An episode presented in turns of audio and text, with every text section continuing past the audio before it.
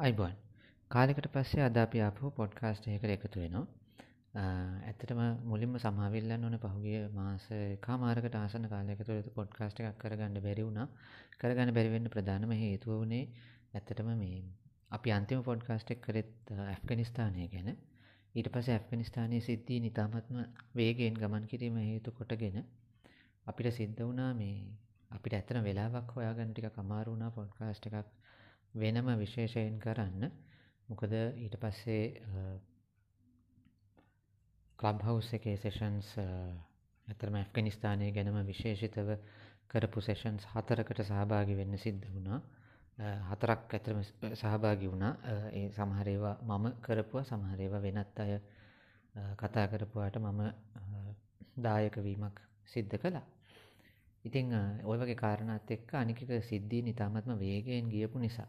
දැන් උදාහරණයක් විදිහට ගත්තොත් සමහර දවස් තිබුණා මම පොඩ්කාස්ට් එකක් කරන්න ඉඳගෙන ඉවර වෙලා විනාඩි 35ක් 40ක් ඒක සඳහා ගත කරලා ඉවර වෙද්දි සමහර වෙලාවට තව දේවල් දෙක තුනක් සිද්ධ වෙලා. ඉතින් ඇත්තටම අපි ක්ලබ් හවුස් සෙෂන්ස් කරනකොටත් ඒක වුණා. සමහර වෙලාවට අපිට සිද්ධ වුණා අතරමැද්දේදී අප්ඩේට්ස් එකතු කරන්න. කොහොම හරි මං කල්පනා කරා පහුගේ මාසය කාමාරි නැත්තම් පහුගේ ඇත්තම අගෝස්තු මාසය තුළ සිද්ධ වෙච්ච දේවල් ගැන පොඩි විග්‍රහයක් කරන්න. අද අපි සාමාන් සාමාන්‍ය විග්‍රහයක් කරගෙන ගිහිල්ල ඊට පස්සේ ඔය සමහර තැන් සමහර මෙහිදී වැදගත් වෙන කරුණු පිළිබඳව පස්සේ අපි විශේෂයෙන් පොඩ්කාස්ට් එකක් කරන්න බලාපොරොත්තු වෙන පොඩ්කාස්ට්ස් කරන්න බලාපොරොත්තු වෙනවා. මේ සමහරව ඇත්තට මගෝස්තු මාසේ මැදදි නැත්තං තුන්වෙනි සතිය විතර කරනම් හොඳයි. නමුත් කරගන්න බැරිවෙච්ච නිසා අපි පොඩ්ඩක් ආපහු හැරිලා බලන්න තීරණය කරා. දැන් අගෝස්තු මාසේ පටන් ගන්නකොට ඇත්තම ජුලයි මාසේ මැද භාගයේදී අපි කලින් පොඩ්කාස්ට් එක කරනකොටත් තිබිච්ච තත්ත්වය තමයි ඇෆ්ගනිස්තානයේ පළාත් 34ක් තියෙනවා. ඒ පළාත් 34ෙම අගනුවරවල් තිබුණේ රජයේ හමුදා යටතේ. පළාත් සමහර පළාත්වල ඒ වෙනකොට තලිබන් සංවිධානය අගනුවර ඇරුණම අනෙකුත් ප්‍රදේශ බොහොමයක් පාලනය කරමින් තිබුණා. ඊට අමතරව තලිබන් සංවිධානය තමන්ගේ බලය ඇතරම ව්‍යාප්ත කරමින් තිබුණේ. තලිබන් සංවිධානය මෙහිදී තමත්ම අපි කියනවා ස්මාර්ට් විදිහේ වැඩ දෙක තුනක් කරා එකක් තමයි ඒගොල්ලන් රටෙන් රටට ඇතුල්වෙන්න හෝ පිට වෙන්න තියෙන ප්‍රධාන දේශසීම මුරපොළවල් සියල්ලක්ම අල්ලා ගන්න කටයුතු කරා. මේ මේ කාරණෙත් එක්ක රටෙන් පිටතට යන්න තියෙන ගමනාගමනය බොහෝදුරට සීමා කරන්න ඔවුන්ට පුළුවන්කම ලැබුණ සහරට ඇතුළට එන ගමනාගමනේ. තොට ගුවන් මගින් විතරයි ඔවුන්ට කැනෙ රජය හමුදාවල් වලට ඊට පස්සේ අවශ්‍ය කරන දේවල් ගෙන්නා ගැනීම වගේ කරුණු කරන්න පුළුවන්කම තිබුණේ. ඊට පස්සේ ඔවුන් ඊළඟට පටන් ගත්තේ එතරම ගුවන් තොටපොළවල් ආසන්නයට රොකට් ප්‍රහාරෙල්ල කරමින් සමහර දවස්වලට ගුවන් සමහර ගුවන් තොටපළවල් විශේෂම ගොල්ලො දැන් කන්දහාර පලාත උදාහරණයක් ගත්තොත් කන්දහාර පලාතේ බොහෝ ප්‍රදේශ උන්නත් අතේ තිබ්බ නිසා ඔවුන්ට පුළුවන්කම තිබ කන්දහාර ගුවන් තොටපලට රොකට් ප්‍රහාර එල්ල කරන්න. අගෝස්තු මාසේදී එක්තරාවස්ථාවක වූ ඒ වගේ ක්‍රියාවක් මගින් කන්දහාරයේ ගුවන් ගමනුත් නැති කරලා කන්දහාරය සම්පූර්ණම වගේ හුද කලා කරන්න සමත් වුණා. ඒ වගේ මේගොල්ලෝ බොහොම ස්මාර්ට් විදිහට යුද්ධ කරා කියන්න පුළන් ඒ වගේම තමයි ආෆ්ගනිස්ථානයේ උතුරු දිගින් තියෙන ඔය තජිකිස්ථානය කිට්ටුව තියෙන බදක්ෂාන් ප්‍රාන්තය එහෙම ඉක්මනින් අල්ලා ගන්න කටයුතු කරා. මොකද ඉතිහාසය කවදාවත් අජ මේ තලිබන් සංවිධානයට යටත් වෙච්ච නැති පලාතක් තමයි බදක්ෂාන් ප්‍රාන්තය බදක්ෂාන් පලාත එතකට මේ ගොල්ලු කලින්ම ගිහිල්ල බදක්ෂාන් පලාත අල්ල ගැනීම ඇත්තට මේ ගොල්ල කර බොහොම ස්මාර්ට් මෝව එකක් විදිහට කියන්න පුළුව අගෝස්තු මාසේ මුල වෙනකොට මේ අය සමහර නගරවලට පහර දෙමින් තිබුණා. පලාත් අගනුවරවල් වලට. නමුත් ඒගොල්ලන් පළවෙනි වතාවට නගරයක් අල්ලගත්තේ අගෝස්තු 6 වෙනිදා සරාංච් කියන නගරය. ඇත්තටම නිරිතදිග කෙළවරේ තියෙන නගරයක් ඇෆ්ගනිස්තානයේ රටේ නිරිතදිග කෙළවරේ තියෙන නගරයක්. ඒක තමයි පළවෙනි ප්‍රාන්තාගනුවර මේගොල්ලෝ අල්ලගත්තු. ඊට පස්සේ මේගොල්ලෝ නගර අල්ලගෙන ඉතාමත්ම වේගයෙන් නගර එකින් එක අල්ලගන්න පටන් ගත්තා. කුන්ඩුස් නගරය මුල් දවස්වල අගෝස්තු 8 වෙනිදා විතර මගේ මතකේ හරිනම් ඒ විදිහට ඒගොල්ලෝ ඉතාමත්ම ඉක්මනින් නගර අල්ලගන්න පටන් ගත්තා. ඇතරම කිව්වොත් සමහර වෙලාවට ශ්‍රී ලංකා ක්‍රිකට් කණ්ඩායමේ විකට් වැටෙනවට වඩා වේගෙන් ඇෆ්ගනිස්තානයේ පළාත් අගනුවරවල් එකින් එක තලිබාන් සංවිධානයට නතු වෙන්න පටන් ගත්තා. මේ අවස්ථාවේදී දැන් අපි ගත්තොත් හෙරාත් වගේ නගරවලදී ඇත්තටම තලිබාන්වරුන්ට හොඳ සටනක් දෙන්න එහි හිටපු රජයේ පාක්ෂික කණ්ඩායමට පුළුවන්කම ලැබුණ විශේෂයෙන්ම රජයේ පාක්ෂික හමුදා සහ හෙරාත්වල අවුරුදු හැත්ත පහක් වයස යුදනායකයෙක් හිටපු ආණ්ඩුකාරයෙක් හිටපු මුජහිදීන් සටන්කරුවෙක් ඉස්මයිල්කාන් ඉස්මයිල්කාන් තමයි ඇත්තට මෙතින්දි සටන මෙහේ වූවේ. අපිට දකින්න තිබ්බ ඉස්මයිල්කාන් එක්තර අවස්ථාව කියනවා රජය හමුදාවලින් අවශ්‍ය කරන සහය ඔහුට ලැබුණේ නැහැ කියන එක. රජය හමුදා පැත්තෙන් ගත්තොත් රජය හමුදාවල කලින් අපි කතා කරපු ගැටලුව තිබුණ. මොකද පල්ලෙහා මට්ටම්වල සොල්දාදුව ගොඩක් අයට පඩි හරියට ලැබිච්ච නැති හේතුව සහ වෙනත් කාරණා හේතුකොටගෙන ඒගොල්ලෝ එක්කො තලිබාන් සංවිධානයට බාර වුණා එහෙම නැත්තං එකතු වුණා එහෙම නැත්තං සටන අතෑරලා යන්න ගිය.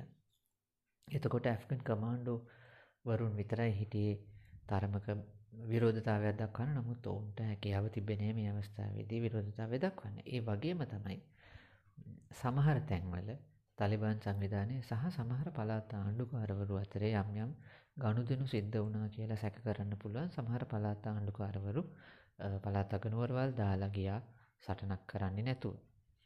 එතකොට මේක කාරණා දෙක තුනක් හින්දා වෙන්න පුළුවන්. මොකද තලිබාන් සංවිධානය ටිකෙන් ටික තමන්ගේ බලය තහවුරු කර ගන්නකොට කොහොමත් ජයග්‍රහණය ඔවුන්ගේ පැත්තට හැරෙන බව තේරුණාම සමහර අය සටන අතෑරලා අතැරලා යන්න ගියා කියලාත් අපිට සැක කරන්න පුළුවන්. ඒ වගේ දැන් ඇෆ්ගනිස්තානය ගත්තොත් හුඟක් වෙලාවට තමන්ගේ යුද්ධ ශක්තිය මගින් ඒ කියන්නේ තමන් දිනාගෙන එනවා කියලා පේනවා නම් අනිවාර්යයෙන්ම ප්‍රතිවාදී කණ්ඩායම එක්ක තමන්ට එකතු වෙනවා එක්ක සටන අතෑරලා පැනලා යනවා. ඒක සාමාන්‍ය ඔය අමුතු දෙයක් නෙමෙයි. ඉතින් ඇෆ්ගනිස්තානය සම්බන්ධයනුත් එක කිසිම අමුතු දෙයක් නෙමෙයි. ඉතිං බොහොම දරුණු විදිහට සටන මෙහෙව්වේ හෙරත්වල ඉස්මයකාන් තකොට මසාරී ශරීෆ් වල තරමක සටනක් දුන්න. වගේ කිහිප දෙනෙක් පමණයි අනෙක් තැන්වල. මුල් අවස්ථාවල් වල සිද්ධ වෙච්ච ජයග්‍රහණ වලින් පස්සේ තලිබාන් සංවිධානයට බොහොම පහසුවෙන් නගර ටික එකින් එක වැටෙන්න පටන් ගත්තා. ඉතින් ඔහොම තියෙද්දි අගෝස්තු 14 වෙනිදා වෙනකොට අගෝස්තු 14 වෙනිදා සවස් යාමයේ වෙනකොට කාබුල් නගරයට දකුණු දිසින් කිලෝමීටර් 10ක් විතර කිට්ටුවට ඇවිත් තිබ්බේ තලිබාන්වරු. අගෝස්තු 15 වෙනිදා පාන්දර වෙනකොට කාබුල් වලට නැගෙනහිරින් තියෙන ප්‍රධානම නගරය ජලාලාබාද් තලිබාන්වරුන් අතරපත් වුණා. සටනක් නැතුවම වගේ ඊට පස්සේ ඒ පැත්තෙනුත් තලිබාන්වරු කාබුල් දිහාවට ගමන් කරන්න පටන් ගත්තා. පාලසෙන්ත දවල් වරුව වෙනකොට කාබුල් නගර සීමාව ඇතුළට තලිබානුරු ඇතුල් වුණා. ඊට පස්සේ කාබුල් යුනිවර්සිටි එකේ තලිබාන් දජය ඔසවනු ලැබුව කියලා වාර්තා වුණා. ඊට පස්සේ එකපාරටම ඔවුන් ප්‍රහාරය නැවැත්තුවා. ප්‍රහාරය නවත්වලා ඔවුන් ජනාධිපතිවරයා ආශ්‍රෆ් ගානි සමග සාකච්ඡා කරලා එදා රාත්‍රයේ වෙද්දී අශ්රෆ් ගානි බලය අතැරලා රටෙන් පිට වෙලා ගියා. ඊට පස්සේ තලිබාන් කණ්ඩායම ඇවිල්ලා අෆ්ගනිස්තාන් ජනාධිපති මන්දිරයට ඇතුල් වෙලා අර අපි දකිනවා වීඩියෝ සහ ඡායාරූප තිබෙනවා අර මේසයක් ගාව ඉඳගෙන පිටිපස්සේ චිත්‍රයක් තියෙන ඒ තැනක ඉඳගෙන ගත්තු පින්තූර. ඔය චිත්‍රයේ තියෙන්නේ අෆ්ගනිස්තාන් රාජ්‍යයේ නූතන ඇෆ්ගනිස්තාන් රාජ්‍යයේ මූලාරම්භක විදිහට සැලකෙන ආමඩ් ෂා දුරානි රාජ්‍යත්වයට පත්වෙන අවස්ථාව ඒ අවස්ථාව පිළිබඳ තියෙන පුරාවෘත්තය තමයි චිත්‍රණය කරලා තියෙන්නේ. ඉතින් අගෝස්තු 15 වෙනිදා වෙනකොට තලිබාන්වරු කාබුල් නගරය අල්ලගත්තා. මේ වෙනකොට ඇමරිකාව ඇතුළු රටවල් කිහිපයක තානාපති නිලධාරීන් සහ ඇමරිකන් හමුදා කාබුල් ගුවන් තොටුපළට ගිහිල්ලා තිබ්බේ ඊට පස්සේ අපි දැක්කා ජනතාව තලිබානුරුන්ගෙන් බේරිලා යන්ඩ දෑගෝස්තු පහලසෙන්ද විශාල තදබදයක් තිබ වාහන විශාල ප්‍රමාණයක් කාබුල් වලින් එලියට යන්න උත්සා කරන අගෝස්තු පහ ඒ වගේම ගුවන් තොටුපළ පැත්තට ඔවුන් ජනතාව ගමන් ගත්ත. ඊට පස ගුවන්තොට පළ හරහා පැනල යන්න විශාල පිරිසක් උත්සා කළා. මුල් දවස්වල අවිනිශ්චිතතාවයක් තිබිච්ච වෙලාවක කැනිගුවන් ගමන් වලට යන්න පුළුවන් වෙයිද වගේ අවිනිශ්චිතතාවයන් තිබ වෙලාවක අපි දකිනවා. අර ප්ලේන්ස් යන්න පටන් ගන්නකොට ඒ ප්ලේන්සල එලියේ එල්ලිලා යන්න උත්සා කරපු අය ඔවුන් කීප දෙනෙක් බිම ඇද වැටිච්ච අවස්ථාවල් අපි දැක්ක. නමුත් ඊට පස්සේ අමරිකානුවන් ප්‍රකාශ කරනවා ඔවුන් දිගටම මේ තමන්ගේ පිරිස ඉවත් කරගෙනීමේ කටයුතු සිද්ධ කරනවා අය කියලා. අවස්ථාව ඔවුන් කියනවා එයට බාධා කරෝතින් තලිබානරුන්ට පහර දෙනවා යන තර්ජනයක් කරලා ඒ කටයුතු ක්‍රියාත්මක් කරනවා.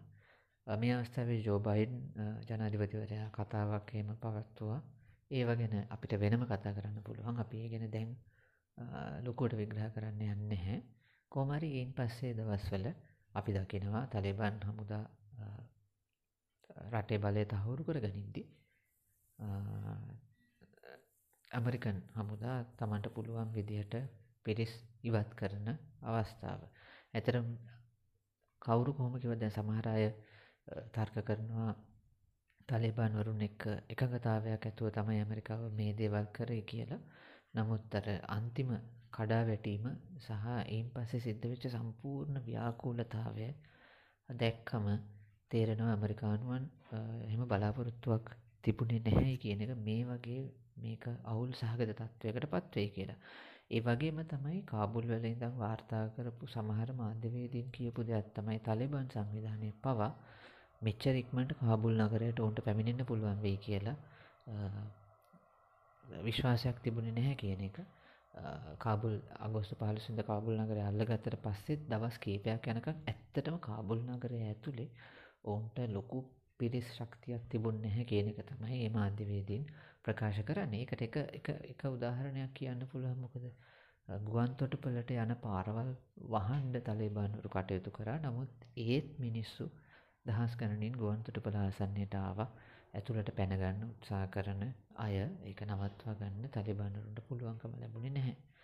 ඉතින් අපි දැක්කා ඇතුල් වෙන්න බැරි අය තමන්ගේ දරුවන්ව ඇමරිකන් සෙබුලුන්ට බාර දෙන අවස්ථා වගේ අවස්ථාවල් අපි දැක්කා. ඒ කියන්නේ ඉතාමත්ම මේ තලිබාන් පාලනයක් පිළිබඳව ඉතාමත්ම බියකින් පසුවන ජනතාව අපි දැක්කා. තලිබාන්වරු හොඳ මූුණක් පෙන්නගෙන හිටපු කතාව හුඟක් තැන්වලදි කතා වුණා. නමුත් ඇත්ත වශයෙන් මේ පෙන්නන මූුණ කොහොම වෙතත් තලිබාන්වරු තමගේ අන්තවාදී අදහස් අතැරලත් නෑ තමගේ ප්‍රචණ්ඩකාරී ක්‍රියාවන් අතැරලත් නැහැ. ඔවුන් අර වෙනස් විදිහකට තමන්ගේ අන්තවාදී අදහස් ක්‍රියාත්ම කරනවා කියන එක තමයි පේන්න තියෙන දැන් තාම ඒක ලොකුවට පැහැදිලි වුණේ නැතත්. දැන් අගෝස්තු තිස්සෙක් විඳ විද්‍ය ඇමරිකන් හමුදා ඉවත් කර ගැනීමත් එක්ක ඉස්සරහට අපිට ඒ වටිකෙන් ටික බලන්න පුළුවන් වෙයි. ඒ වගේ උදාහරණ එහෙම මෙහෙන් වාර්තා වෙනවා. සමහර අයව ඝාතනය කරපු අවස්ථා කැන්නේ ඇෆ්ගනිස්ථාන දැන් අර විදේශික ජනමාධ්‍යවේදීන් වෙනුවෙන් සේවය කරපු සමහර ඇෆ්ගන්වරුන් ඝාතනය කරපු අවස්ථා භාෂා පරිවර්තකයෙන් විදිහට සේවය කරපු අය. ඊට අමතර විකට නළුවෙක් ඝාතනය කරපු ප්‍රවෘතියක් වාර්තා වුණා. ඒ වගේ සිද්ධීන් වාර්තා වුණා. හැබැයි තලිබාන් සංවිධානයට අවශ්‍යතාවය තියෙනවා ඇෆ්ගනිස්ථානයේ බලය තහවුරු කරගන්න. ඒක හින්දා තලිබාන් සංවිධානයට එතෙන්දී ඔවුන් දන්නවා දැන් ඔවුන්ට වැඩිපුර සහයෝගය ලැබෙන්නේ පශ්තුූන් හෙවන් හෙවත් පතාන් ගෝත්‍රිකයන්ගෙන්. නමුත් ඇෆ්ගනිස්ථානයේ භාගයක් විතර ජනතාව පතාන්වරු නෙවෙයි. ඉතින් ඒහින්ද අනිකුත් ජනවර්ගවල සහයෝගය ලබා ගැනීමේ අවශ්‍යතාවයක් ඔවුන්ට තියෙනවා. ඒක නිසා ඔවුන් සමහර වෙලාවට ඔවුන් ඒ අනිකුත් කණ්ඩායම්වල නායකයෙන් සමඟ සාකච්ඡා කරලා සර්වපාක්ෂික ආණ්ඩුවක් හදා ගැනීමේ වැඩ පිළිවෙලක මේ වෙනකොට ඉන්නවා. දැන් අද වෙනකොට වාර්තාවක් පල වුණා.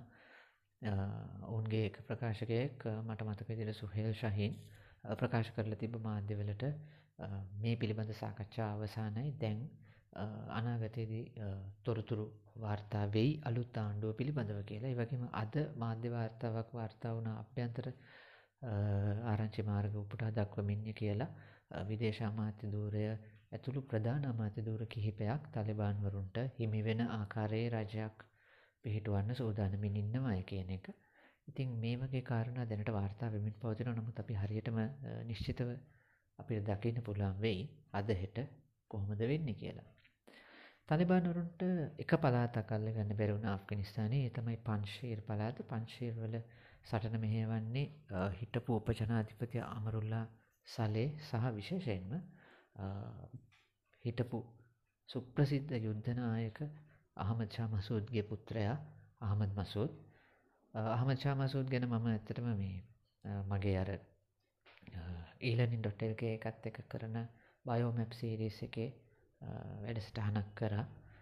ආමචා මසුත් ගැන ඉතාමත්ම විචිත්‍රවත් චරිතයක් ඔහුගේ පුත්‍රයා ආමත් මසුත් එංගලන්තය අධ්‍යාපනය ලබාපු තරමක් ඇත්තටම කිව්වොත් බොහොම ලිබරල් අදහස් තියෙන පුද්ගලෙක් බව තමයි පෙනෙන්නට තිබෙන්නේ. කාන්තා අයිතිවාසිකම් ගැන ප්‍රජාතන්ත්‍රවාදය ගැන වගේ දේවල් සම්බන්ධයෙන්.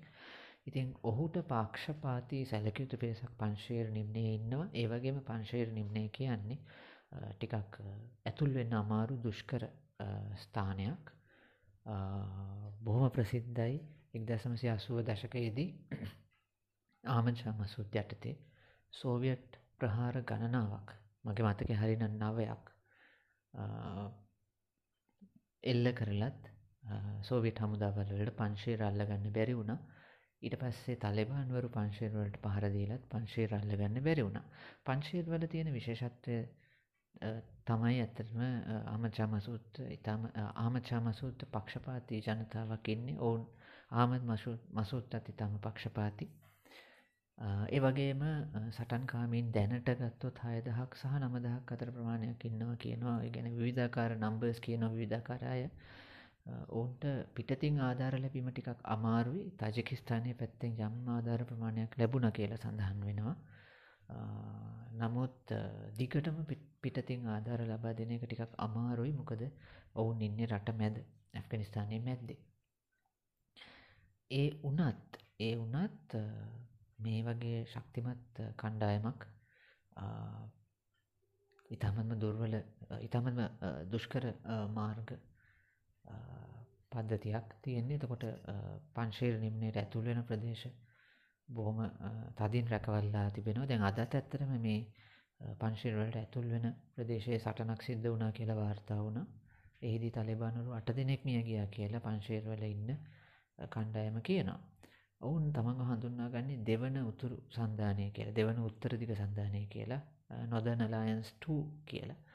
නොදන්න ලයන්ස් කියල කියනෙක් දසමසි අනුහයේ තලිබානුරු කාබුලල්ල ගතර පස්සේ උතුරදිග අෆ්ගනිස්ථානය අල්ලාගෙන දිගටම සටනම යවපු අය ඔවුන්ගේ ප්‍රධාන යුද්ධනායකය වනේ ආමද ශමසුත් එතකොට දිදාසකේදී අමරිකන් ප්‍රහාර එල්ල වෙනකොට උත්තර සන්ධානය හමුදා තමයි ගොඩබිම් ප්‍රහාරයන් දියත් කළේ අෆ්ගනිස්ථානයට විරුද්ධ දැන් තියෙන තත්ත්වය හැටියට ඔවුන්ගේ කණ්ඩායම් ගිහිල්ල තියෙනවා. දැන් ඇෆ්කන් හමුදාව හිටපු ප්‍රබල ලෙස තලේබාන් විරෝධී කණ්ඩායම් සමහරකුත් පංශේර්වලට ඇවිල්ල තියෙනවා. ඊට අමතරව පංශේර්වල හිටිය අමචා අහමද මසූද් සමග එකතු වෙච්ච එකැනේ ප්‍රදේශයේ ජනතාව මිලිෂා කණ්ඩායමක් විදියට ඔවුනුත් එහි සිටිනවා.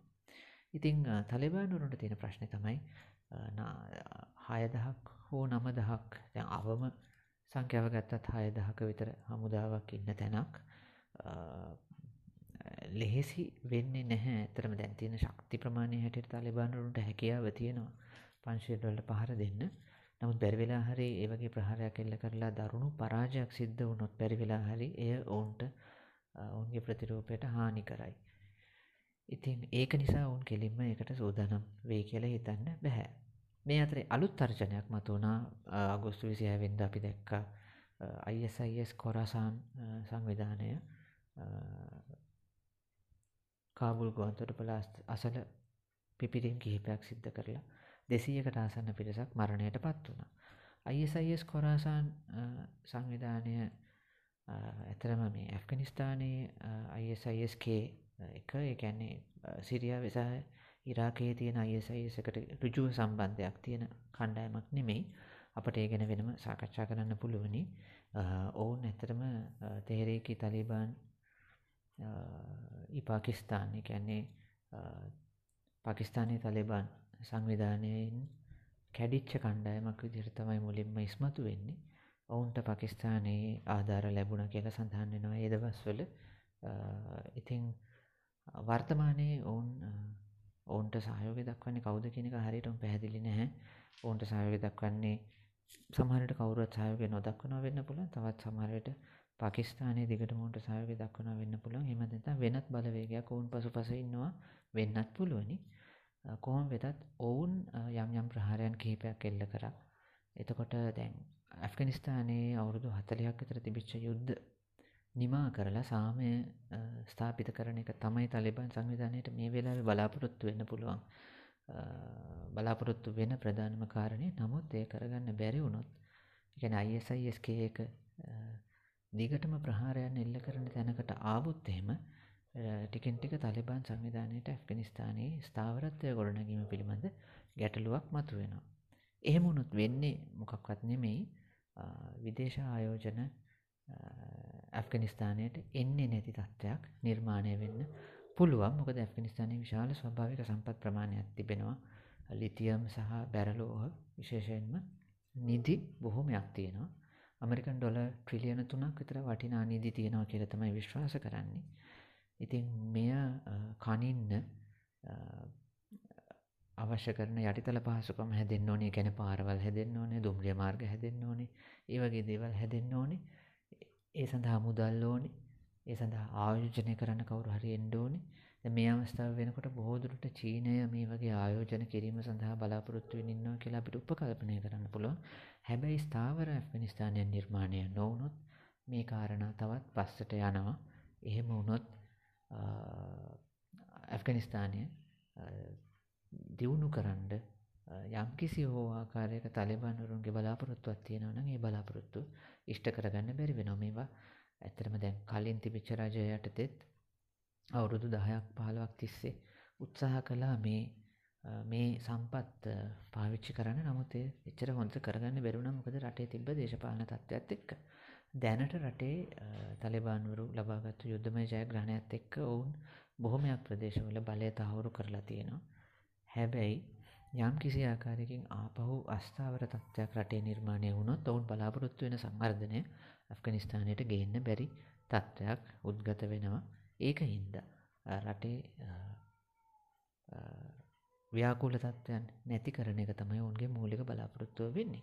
ඒ සඳහා තමයි ඔවුන් උපරිමුත්සාහයක් දරන්නේ ඒ නිසා තමයි ඔවුන් මේ අවස්ථාවේ ඔය සර්වපාක්ෂික ආණ්ඩුවක් කරා යන යෝජනාවක් ඉදිරිපත් කරලා තිබෙන්නේ සර්වපාක්ෂික ආණ්ඩුවක් හැදුවත් ඕක වැඩි කාලයක් තියෙයි කියලා විශ්වාස කරන්න ටිකක් අමාරුයි. ඉතින් අපි ඉස්සරහට බලාගෙන යමු මොනවද මේකෙදි සිද්ධ වෙන්නේ කියලා.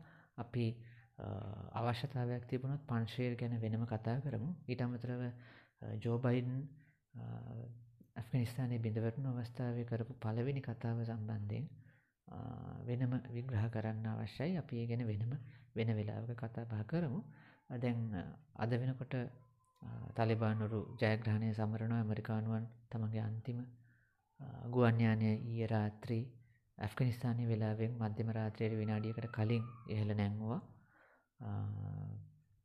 ඒ අනුව මේ වෙනකොට අපිට දකින්න පුළුවන් වෙන්නේ තලබානුරු ජයග්‍රහණය සමරණ තත්ත්වයක්. අපි මේ තත්ත්වය යටතේ අනාගතයේදී මොන වගේ දේවල් වෙයිද කියන එක බලාගෙනීමු මං අර කියපු විස්තර මම අනාගතයේදී ළඟදිම කතා බහ කරන්න බලාපොරොත්තු වෙනවා ඊට අමතරව ඇෆ්ගනිස්තානයේ ඉස්සරහට වෙන්නේ මොනවද කියන ගැනත් අපි දැන් සිද්ධීන් වෙන වේගය ටිකක් අඩු වෙලා තියෙන හින්දා අපිට පුළුවන් වෙයි ටිකක් විග්‍රහ කරලා කතා කරන්න. එහෙනම් අදට එපමණයි හැමෝටම බොහොම ස්තුතියි. අපි ආයෙ දවසක හම්බ වෙමු. ජය වේවා.